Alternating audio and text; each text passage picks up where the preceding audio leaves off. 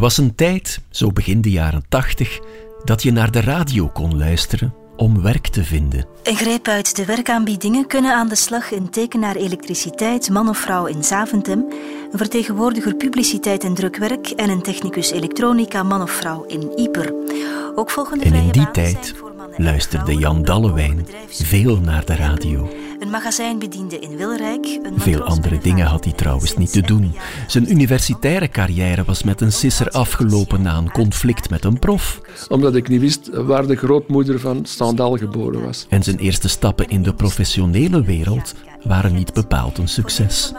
Jans vader, een jurist, die weet niet goed wat hij moet denken van zijn zoon. Ik had twee broers en een zus dat mijn vader, die, als er dan volk kwam, dan zei hij altijd, ja, en onze Koen, die is dokter, bla bla bla bla.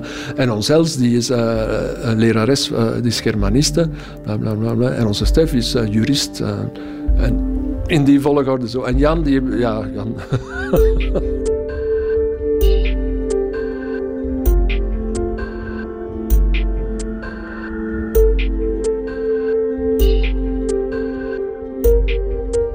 Ik heb hier voor mij de kaft van het belangrijkste boek in mijn leven eigenlijk. En dat heet Het Schip van Klein Jan. En dat is een boekje dat vertelt het leven van een klein jongetje die altijd alleen in de tuin speelde. En achter zijn tuin was er een beek of een riviertje. En op zekere dag knutselt hij een bootje in elkaar en vertrekt hij op wereldreis. En met een fles uh, limonade en een zak koekjes. En hij komt dan in, volgens in Zuid-Amerika, in Afrika, in Azië en zo. En dat heeft mij aan dromen gezet. Eerst wou ik journalist worden, om, uh, zoals Kuifje, de wereld af te, te, reizen en overal reportages te maken. Uh, maar toen realiseerde ik mij dat journalisten in België vooral verkeersongevallen en voetbalmatchen moeten verslaan. En dat interesseerde me niet echt. Iets met reizen dus, dat moest het worden. Maar vind dat maar eens. Een onderhoudselektricien in Aartselaar. Wij zijn absoluut geen familie van, van grote reizigers. En mensen die buiten de onkel Pater Maurice, die in China zat en die een, mijn idool was eigenlijk, want die kwam dan terug uh, om de zoveel jaren, zag ik die dan op de familiefeesten in Dadizelen. Hij was dus uh, witte pater in het noorden van China. En uh, hij leefde daar in, in, de, ja, in de steppes. En proberen daar, die, arme mensen daar te gaan bekeren tot het christendom. Ik geloof niet dat dat, daar erg goed gelukt is, maar het waren wel sappige verhalen die hij vertelde. Een documentalist en een landschapsarchitect in Brussel, een kamermeisje in Sint-Gilles, een verpleger in Jette en een meubelmaker in Ruisbrok. Ik wilde ook zoiets meemaken. Later had ik ook nog een vriend die ook uh, zijn universitaire carrière in rook had zien opgaan. En die dan vertrokken is naar Paraguay. En die alle weken brieven stuurde over zijn werk bij de Indianen daar in de, in de Chaco van Paraguay. En ook daar dacht ik dan, ja, dat wil ik ook gaan doen. Met het schip van Kleine Jan de verhalen van onkel Pater Maurice en de vriend in Paraguay in het achterhoofd, ligt Jan op een dag in zijn zetel weer naar de werkaanbiedingen op de radio te luisteren. Er is onder meer werk voor een tandtechnicus in Sint-Lambrechts-Woluwe. En een van die werkaanbiedingen was om eh, handelsprospector te worden voor de Belgische dienst voor buitenlandse handel. Jan is vooraan de dertig, gescheiden, heeft een dochter van drie is uitstekend tweetalig, wat trouwens een voorwaarde is voor die job, en ziet kansen. Werken voor buitenlandse zaken is de best mogelijke combinatie om in alle comfort de wereld uh, te bezoeken eigenlijk. Hè. Ik was juist gescheiden toen. Ik zeg ja, dit is uh, de kans van mijn leven. En ik ben er onmiddellijk op, op, uh, op, op toegestapt en die examens meegedaan. En, en tot mijn grote verwondering eigenlijk geslaagd. En tot mijn grote verwondering wilde ze dat ik al 14 dagen later in, in Lagos, Nigeria stond. Hoofdstuk 1. Nigeria. Lagos, Nigeria, 1983. Het begin van een diplomatiek leven dat zich in twaalf hoofdstukken, twaalf landen laat opsplitsen. Dat is een record. En het is dik tegen zijn goesting dat Jan het record niet scherper heeft kunnen stellen. Maar daar hebben we het straks nog over. Lagos, Nigeria dus. Dus ik ben dan als, als de bliksem gaan studeren over Nigeria, naar Nigeriaanse muziek luisteren, naar Nigeriaanse boeken lezen, de geschiedenis, de economie, weet ik veel. Want je wordt dan verondersteld van als je op post bent, van dan expert te zijn in dat land en iedereen mag u dan de vragen stellen die ze willen om, om, om alles te weten over het land in kwestie. Jan wordt in Lagos ontvangen door de ambassadeur en die heeft al meteen een heel concrete opdracht. Hoewel. En dan pakte hij een pit papier en drie kleurpotloden en begon hem daar cirkels te tekenen in drie verschillende kleuren en dan begon hem die in te kleuren. En hij zei, meneer Dallewijn, kijk, dit is een cacaoboon. En we gebruiken enkel het middenste van de cacaoboon en die buitenste twee lagen die worden weggegooid. Ik verwacht van u dat u gaat proberen hoe dat de Belgische industrie iets kan ontwerpen om die twee buitenste lagen van die cacaoboon, om daar ook iets nuttigs mee te doen. Nog een opdracht. Namens koning Boudewijn de Oni van Ife, een lokale vorst in het zuiden van Nigeria, die de pudeur had gehad de vorst voor een bezoek in de Broese uit te nodigen, beleefd gaan afwimpelen. De zaaltje was heel grappig. Want ik verwachtte dat dat allemaal eh, Afrikaanse toestanden zou staan, maar daar stond een Eiffeltorentje en zo'n een Venetiaans schommeltje met een lichtje in dat zo ronddraaide. Er stond wel een mooie troon, zo, met, met en ivoor en alles erop en eraan. En eh, dan kwam er Oni binnen in schitterende gewaden. Ik ging, nam dan plaats op die, op troon en hij heette mij welkom.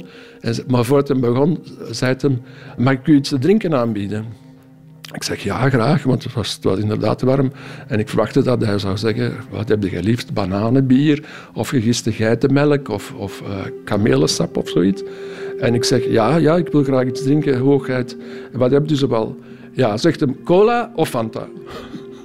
Dus uh, ik zeg, geef me dan maar een Fanta. Jan haalt zijn hart op. Mijn kinderdroom zag ik dan uh, daar mogelijk worden. Hè. In zijn tijd in Nigeria leert Jan muzikant Fela Kuti kennen, die in de hoofdstad Lagos een onafhankelijke republiek Kalakuta wil oprichten. Let history forever mark this day. We're here in Tafawa Balewa Square. I declare my candidacy for president of all of Nigeria. En daar had hij ook een grote zaal waar hij zijn optredens hield. En waar iedereen stoned buiten kwam, want daar hing altijd een, dikke walm van marihuana. En uh, daar speelde hij dus. En ik heb hem dan ontmoet en heeft hem dan een keer uitgenodigd bij hem thuis. En ik ben dan bij hem thuis gegaan. Thuis betekende dat een enorme zaal, uh, waar allemaal zeteltjes rond in, in het rond stonden. En in die zeteltjes zaten dan 60 vrouwen. En hij zat in het midden van die zaal naar tv te kijken in zijn onderbroek. En dan, ik ging dan bij hem zitten en ik, dat gaf, mij een pintje en we gaan wat te babbelen. Maar waar, ik was er nog in vijf minuten binnen of hoorde buiten geluiden van, van naderende vrachtwagens en, en, en, en stappen en stemmen. En ineens eh, sloegen, werden alle vensters kapotgeslagen en staken ze geweerlopen naar binnen. Fela Kuti is op dat moment een staatsvijand, omdat hij zware kritiek heeft op het corrupte overheidsapparaat. De onervaren diplomaat Jan Dallewijn kan op het nippertje een bloedbad vermijden. Zowel Fela Kuti als ik stonden in het midden van die ruimte, versteend te kijken wat er gebeurde, niet wetende wat te doen. Maar ineens besefte ik dat ik uh, een toverstokje bij me had. En hier, hier in mijn vestzakje had ik mijn uh, diplomatieke kaart en ik stak die zo naar omhoog en ik riep I want to speak to your commanding officer. I'm a Belgian official uh, diplomat. En die soldaten, tot mijn grote verwondering, dat, dat werkte. Let us turn this corrupt Nigerian government upside down. The police will try to shut us down, but the government doesn't dare come near me. I am the law and I will do what I please. So yeah man, make me your next black president. Vier jaar had Jan moeten blijven, zo lang duurt een diplomatieke opdracht in het buitenland doorgaans.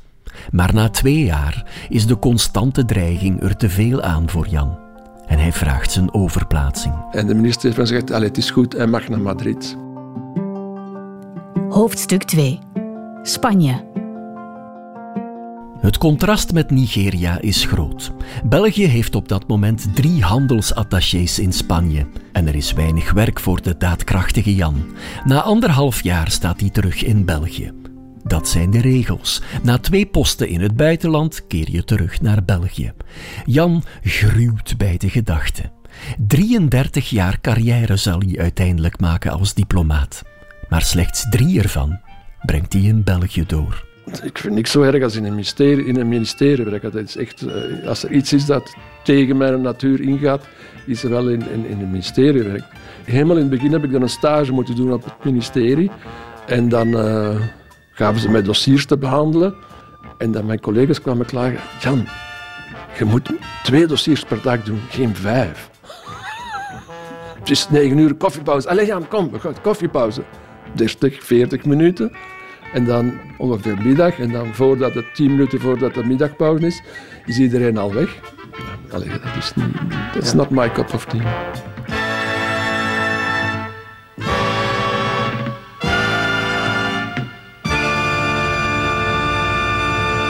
Hoofdstuk 3. Abu Dhabi. Na anderhalf jaar Spanje en een paar maanden bureaucratie in België wordt het dus Abu Dhabi. Het is een, een soort ruimteschip op aarde. Drie vierde van de Belgen wiens belangen hij er moet behartigen, werken voor hetzelfde bedrijf. En professioneel is er weinig uitdaging. Gelukkig was er de woestijn en ik had een four-wheel drive gekocht en, met, uh, en de zee. Ja. Ik had een vriend die een boot had. De oases, de, woestijn zelf, overnachten in de woestijn, dat is nog altijd een van mijn top, topervaringen geweest.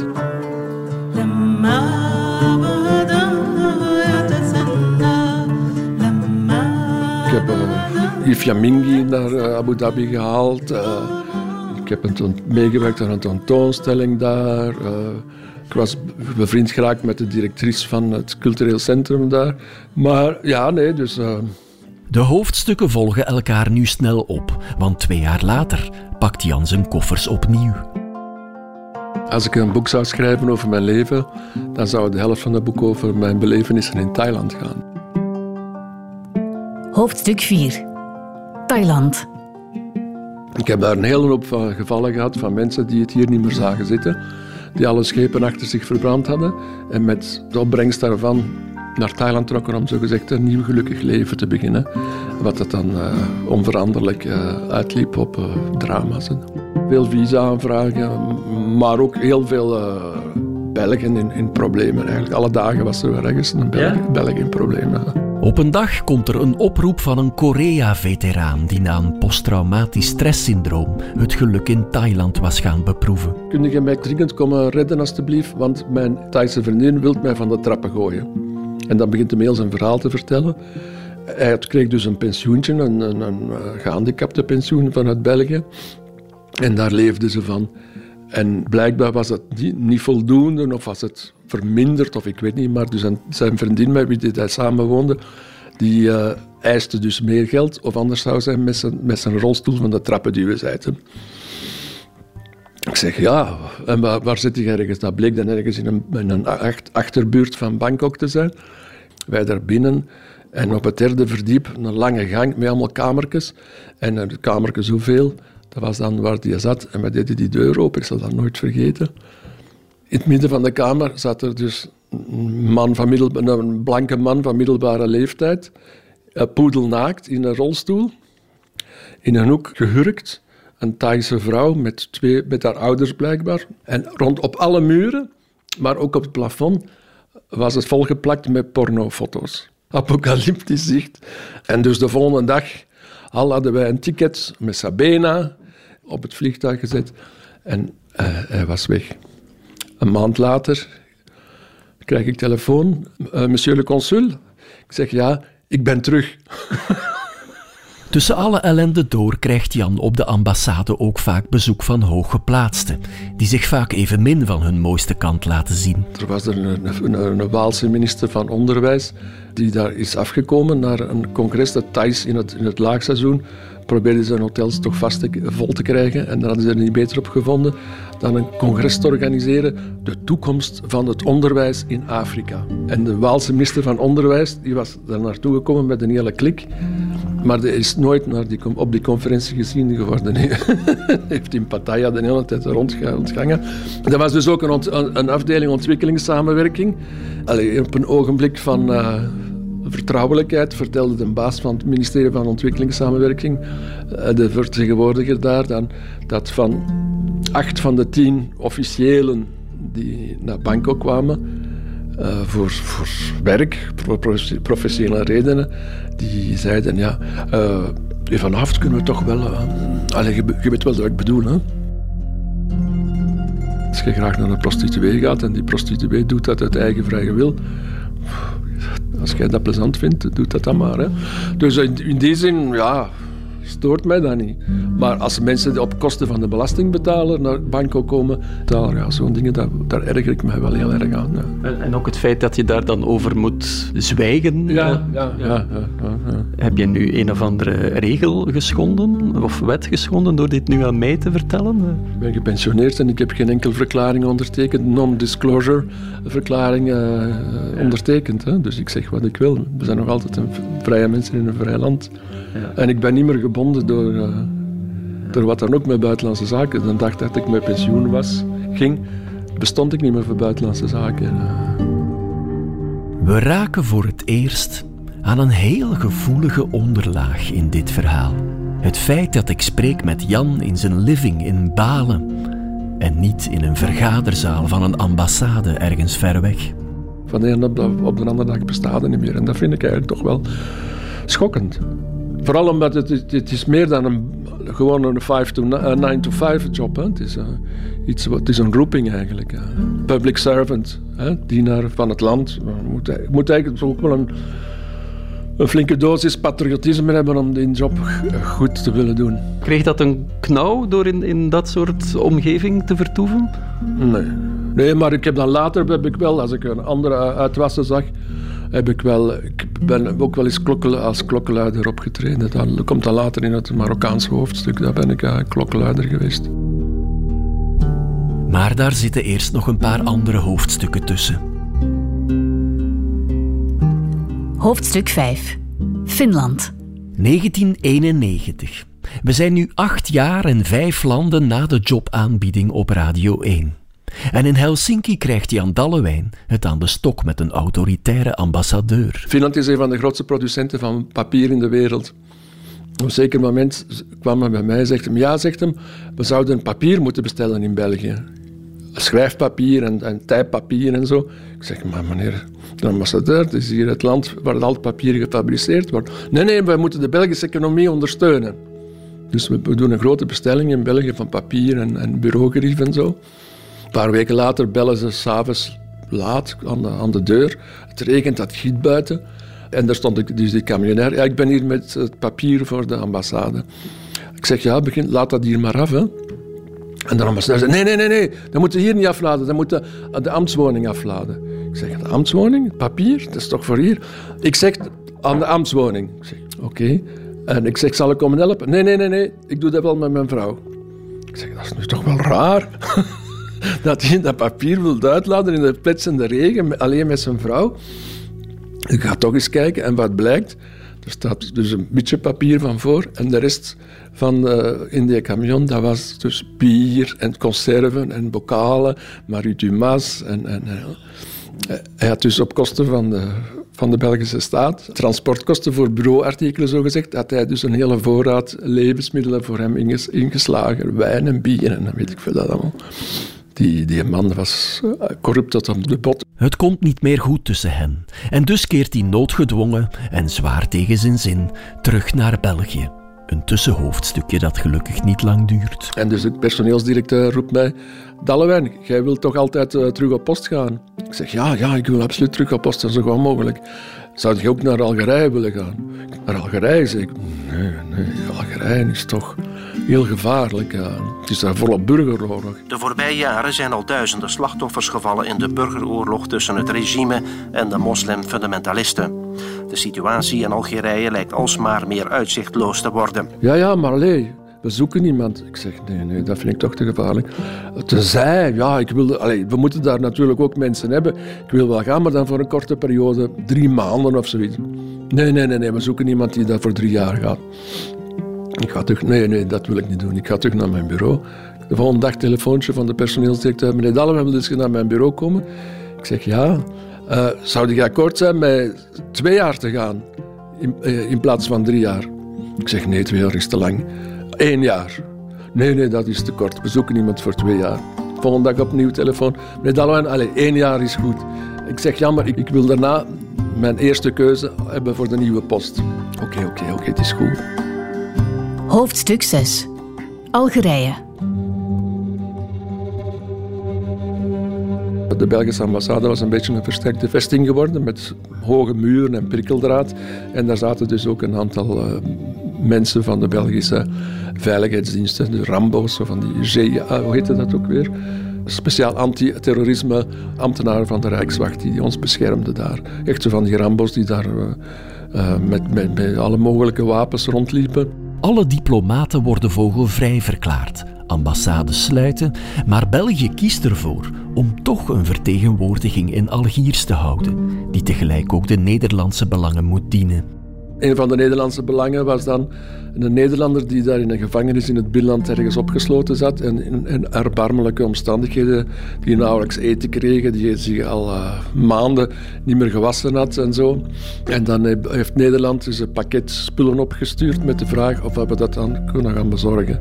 Nu, die gevangenis, dat was ergens in een regio die uh, bekend stond om de dichte concentratie van terroristen daar. Echt, uh, het homeland, het thuisland van de terroristen.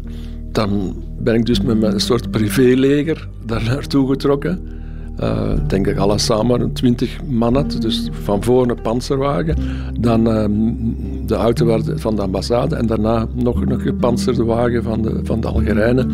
Tot op de tanden gewapend, iedereen.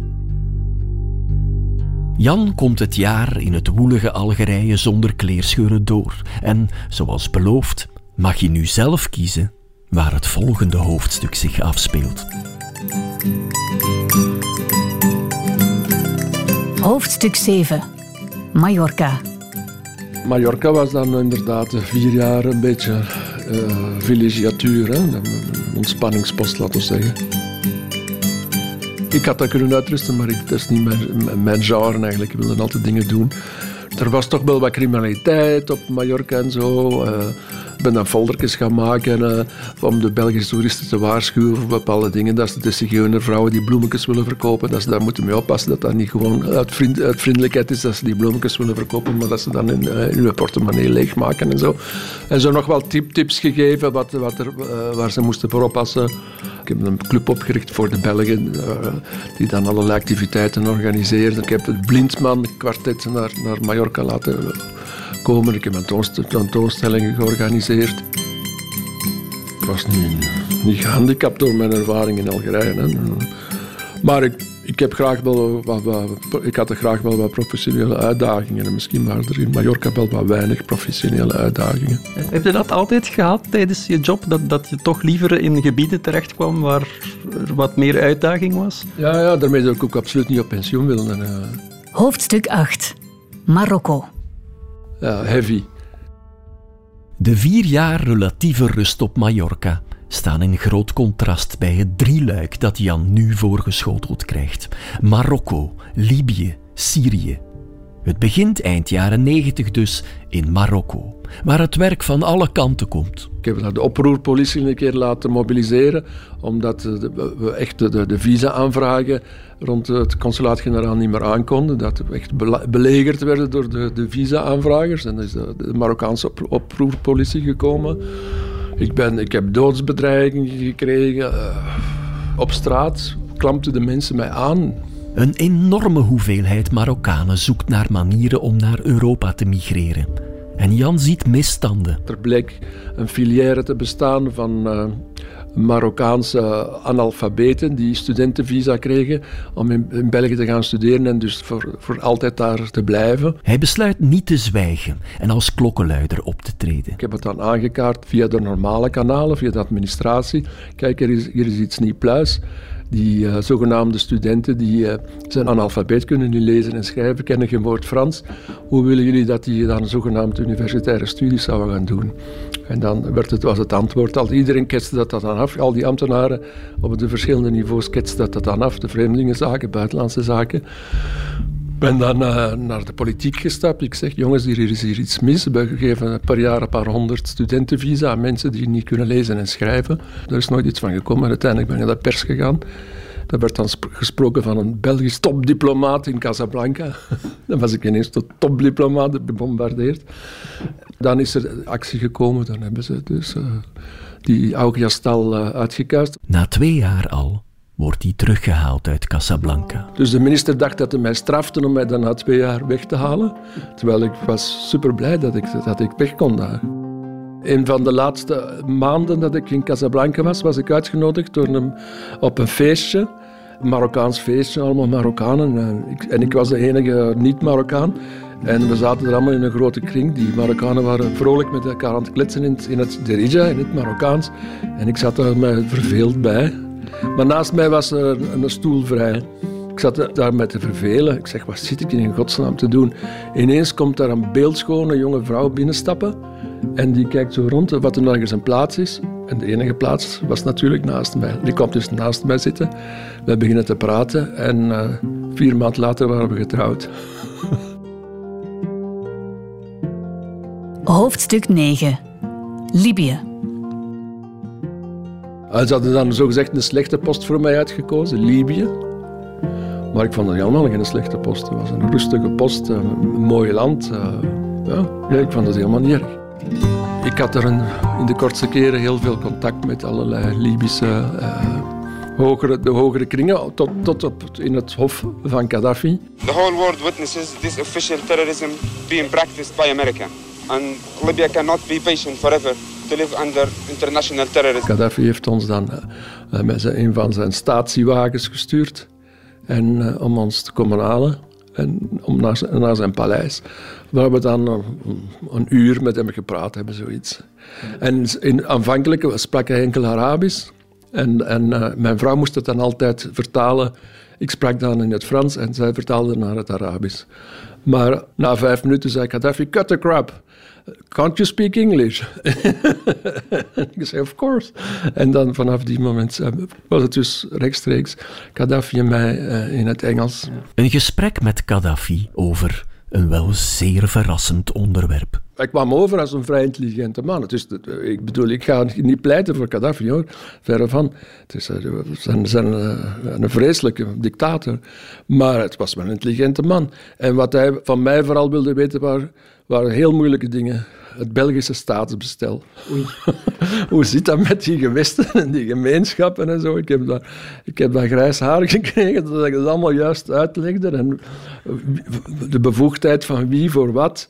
En zo, dat wilde hij allemaal graag weten. Dus daar hebben we het dan vooral over gehad. Tien jaar voor de Arabische lente is er van opstand nog weinig te merken. Ik had niet het indruk dat het toen al kookte. Ik wist dat het een, een, een dictatuur was. Ik wist dat er erge dingen gebeurden en dat Gaddafi uh, alle fatsoensnormen naast zich neerlegde en dat, dat de mensen die aan de macht waren, dat die uh, alles, alles hadden en, en, en uh, zich voor niks gegeneerden.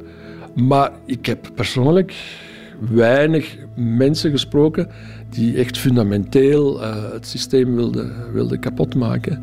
En ik hoor nu ook van sommige Libiërs die spijt hebben dat Gaddafi weg is.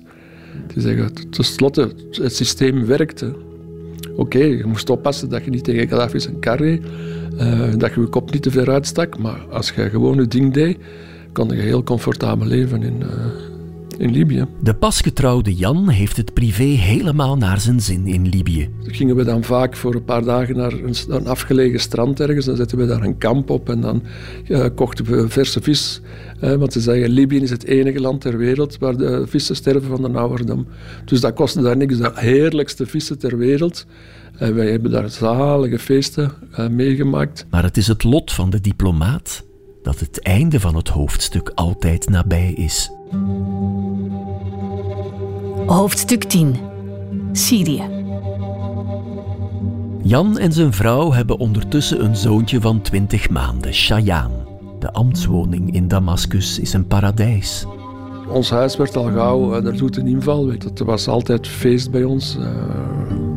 We hadden een groot huis met grote tuin, een zwembad. Boven dat zwembad stond er een soort serre met een zware schuifdeur. En hij was met zijn broerken aan, uh, aan het spelen. Want mijn echtgenote, die had een kindje toen dat ik haar leren kennen. En dat broertje gooide water op hem. En Cheyenne, twintig maanden oud, een snugger manneke, zegt, ik heb geen water, maar ik weet wat er water is. Ik ga water halen in dat zwembad met zijn emmerke. Hij gaat naar dat zwembad met zijn emmerke. Het schip, hij haalde dat vol met water en trok hem naar boven in plaats van dat zo'n klein manneke, een emmerke, dat weegt heel zwaar. En hij trok de emmerke niet naar boven, maar dat emmerke trok hem naar beneden. En dat was in een, eh, mijn vrouw zat er een paar meter van, vanaf. Maar om, omwille van het feit dat, dat dat soort zeilen daar bovenop stond, had ze niks gehoord. Na een paar minuten roept zij: Jan, Jan, Jan, heb, heb jij Cheyenne gezien? Ik zeg: Nee, ik was binnen aan het werken in mijn bureau. Nee, nee, ze niet buiten. En dan gingen we overal zoeken en dan dreef hem daar op het water eh, van het zwembad. De jongen wordt nog overgebracht naar een gespecialiseerd ziekenhuis in België. Maar alle hulp komt te laat. En ik hoopte dus dat hij uh, door de goede zorgen in het Koningin Fabiola ziekenhuis in Antwerpen, dat het beste kinderziekenhuis is van het land, dat ze hem daardoor zouden krijgen. Maar na drie dagen zei die, zei die dokter ook, uh, het heeft geen zin.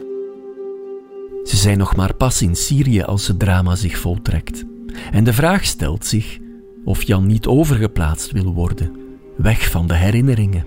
Maar ik zeg nee, nee, nee, in tegendeel. Ik wil hier blijven. Dat is de laatste plek waar, waar ik hem nog levend geweten heb. Waar ik hem nog zie rondlopen. Waar dat, bij manier van spreken, er zijn nog wat moleculen in de lucht hangen of op de grond liggen van, van, van dat zoontje wat ik zo graag zag. Ja. Dus dan zijn we daar toch, toch gebleven. Ja. Ja. En, elk, en elke zomer, op de dag van zijn verdrinking, deden we dan, zetten we dan kaarsen rond het zwembad en gingen we daar wat mediteren en zo. Uh, dus ik denk dat het de juiste beslissing was van daar wel te blijven. Maar uh, godzijdank ja, bleek ze zwanger te zijn dan een paar maanden van ons volgende zoontje. En, en, en dat, die, die, zwangerschap heeft er daar eigenlijk uitgehaald.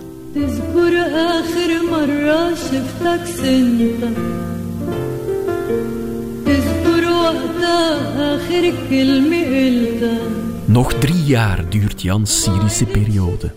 En net als in Libië staan we aan de vooravond van een historische omwenteling. Dus je hebt er een enorme contrast tussen de zeer armen, die geen water hebben om te drinken, en, en de zeer rijken, die daar in een Olympisch zwembad in hun tuin hebben liggen. Hè. Dus in die zin is het, was er wel een, een spanningsveld dat vroeg of laat wel eens kon ontploffen. Maar van de andere kant, als ze mij toen gevraagd hadden, uh, denk je dat er de Arabische lente hier ook kan uh, een revolte meebrengen? Dan zei ik nee, want de Syriërs hebben van dichtbij uh, meegemaakt wat er in, in, in uh, Irak gebeurd is. In Irak, waar dat dus de sluitsteen van het systeem, uh, Saddam Hussein, is, is weggehaald en heel het systeem is in elkaar gevallen. Ik ben ook eens op reis geweest in Irak en Irak was een functionerend land. Oké, het was een, een vredaardige dictatuur, maar voor 70% van de bevolking was het een goed systeem. En dat is ook iets wat ik geleerd heb in, in, in mijn carrière. De, de, de afscheiding tussen goed en slecht dat zijn gerechte lijnen. Daar zitten, dat zijn zones waar dat er echt wel inhammen zijn. En, en, en wit en zwart, zo, zo, is dat niet. Omdat we dan zo'n goede punten verdiend hadden in Syrië, vond Buitenlandse Zaken dat er iets moet tegenover staan. En dat werd dan consul-generaal in, in China. Hoofdstuk 11. China. China. Het land van nonkel Pater Maurice, de man die het bootje van de kleine Jan Dallewijn hielp bouwen en hem de rivier opduwde. Elk jaar mogen we dus een lijst invullen van de landen waar we naartoe willen. En sinds lange jaren al schreef ik daar China op. En dat was ook de euforie waarschijnlijk uh, waarmee we dan vertrokken zijn uit, uit Syrië. De, euforie woog dan sterk op tegen uh, de nostalgie van uh, de plek te verlaten waar ons kindje gestorven was. Maar we wilden echt wel op naar nieuwe avonturen. Jan wordt consul-generaal in Guangzhou, een enorme stad in het zuiden van het land, die op dat moment nog onontgonnen gebied is voor de Belgische diplomatie. En toen ik dan vernam dat er dus een koninklijke missie gepland werd met 300 zakenmensen en ook die zouden enkel gaan naar Peking, Shanghai, Hongkong, zeg maar alleen mannen. Waar zijn jullie mee bezig? Dit is de, fabriek van de wereld, de, de, de, economisch meest belangrijke regio van het land. Informatica, de Silicon Valley van, van China. En daar heb ik allerlei studies gemaakt en, en, en statistieken opgestuurd naar Brussel. En heb ik gezegd, ah, ah ja, oké, oké, oké. Oké, dan komen we ook naar Guangzhou. Dat was onvergetelijk. professioneel het absolute hoogtepunt van mijn carrière. Hij is ondertussen stilaan fijn de carrière. Maar Jan beleeft in China zijn tweede diplomatieke jeugd. Hij organiseert uitwisselingen van Chinese studenten, legt contacten tussen Guangzhou, de grootste haven van China, en die van Antwerpen, regelt ontmoetingen tussen diamant-tycoons, organiseert tentoonstellingen enzovoort. Dat is plezant als je dat ziet, dat je ergens impact hebt. Waar ik echt geweend heb als ik weg was, was het in China. We hadden ook een schitterend huis. We wij woonden in een paleis. Een droom om daar te, te, mogen wonen. Ik had graag langer gebleven. Ja. Of ik had daar misschien wel nooit weggewild. Jan droomt nu alleen nog om niet alleen in de voetsporen van onkel Pater Maurice te treden, maar ook in die van zijn jeugdvriend in Paraguay. Ik werd dan 62 en ik moest dus terug naar, naar Brussel, want ik had dan weer eh, twee posten in het buitenland gedaan. Ik moest dan normaal tot mijn pensioenleeftijd op het ministerie blijven, het is te zeggen drie jaar. En dat was voor mij een ondraaglijk vooruitzicht. Dus ik heb dan ook alles op alles gezet. Ik ben op mijn knieën gevallen, gesmeekt. Alsjeblieft, alsjeblieft, laat me nog, nog één keer vertrekken. Alsjeblieft, laat me nog één keer vertrekken. En die brave mens. Dus het enige dat ik u kan geven is een, een tweede man in uh, Colombia. Zou dat willen? Ik zeg, ja, als ik maar weg kan. De tweede, derde man kan me niet schelen. Als ik maar weg kan. Oké, zegt hij maar, dan Colombia. Hoofdstuk 12. Colombia.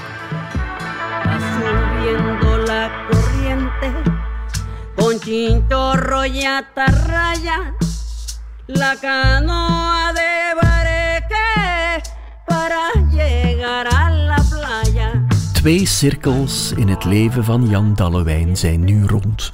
De Chinese en de Zuid-Amerikaanse. Maar de pensioendatum nadert. Toen dat het pensioen in zicht kwam, was de, juist die wet gestemd dat, uh, dat mensen konden werken tot 67. Ik ben direct op die kar ges, uh, gesprongen. Ik heb een brief gestuurd naar, het naar de personeelsdienst van het ministerie. Zeg kijk, we mogen nu tot 67 werken. Ik wil tot 67 werken. Dan zou ook vier jaar in Colombia geweest zijn, wat perfect zou geweest zijn. Geen antwoord. Ik zeg, dat is nogal straf, die antwoorden gewoon. Ik stuur nog eens een mail met kopie aan het, aan het kabinet van de minister. En dan komt er een, een, briefje terug. Dat van die 67 jaar, dat is enkel voor mensen die onmisbaar zijn voor de dienst. Die onmisbaar zijn. Wie is er onmisbaar? Niemand is onmisbaar. Dus ik pak een telefoon, ik telefoneer naar de, personeelsdienst. Ik zeg, wat is dat nu voor een antwoord? Goh, Jan, je moet dat begrijpen. Voor, voor de prijs van zo'n en oude kunnen we twee jonge gasten aannemen. En daarmee was de kous af.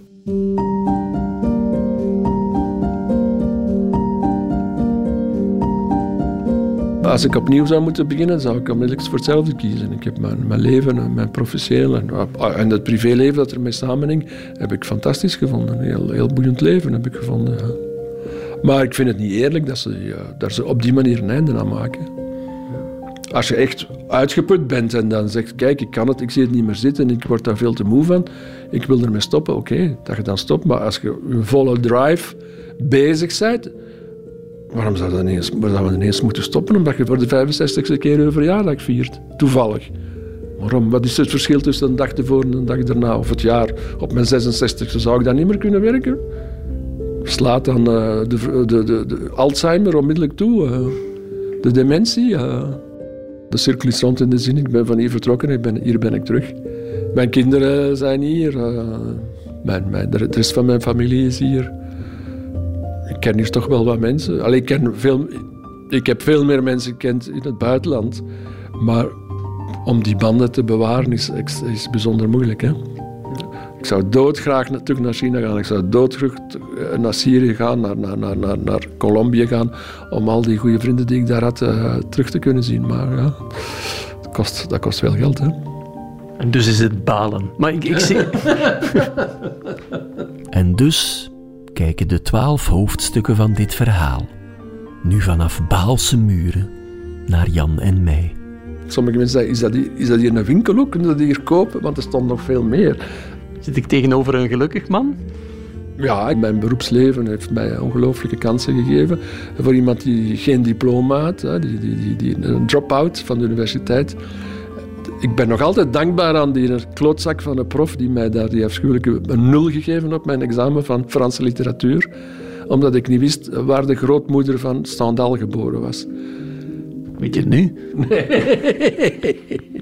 Ergens ben ik die man dankbaar, want anders was ik nu ergens leraar geweest op een, een of ander, leraar Frans geweest op een of ander college. Ja. En dit leven had ik, verkies ik toch uh, ver daarboven. Ik zeg met alle respect voor leraars Frans, maar voor mij uh, niet, liever dit toch.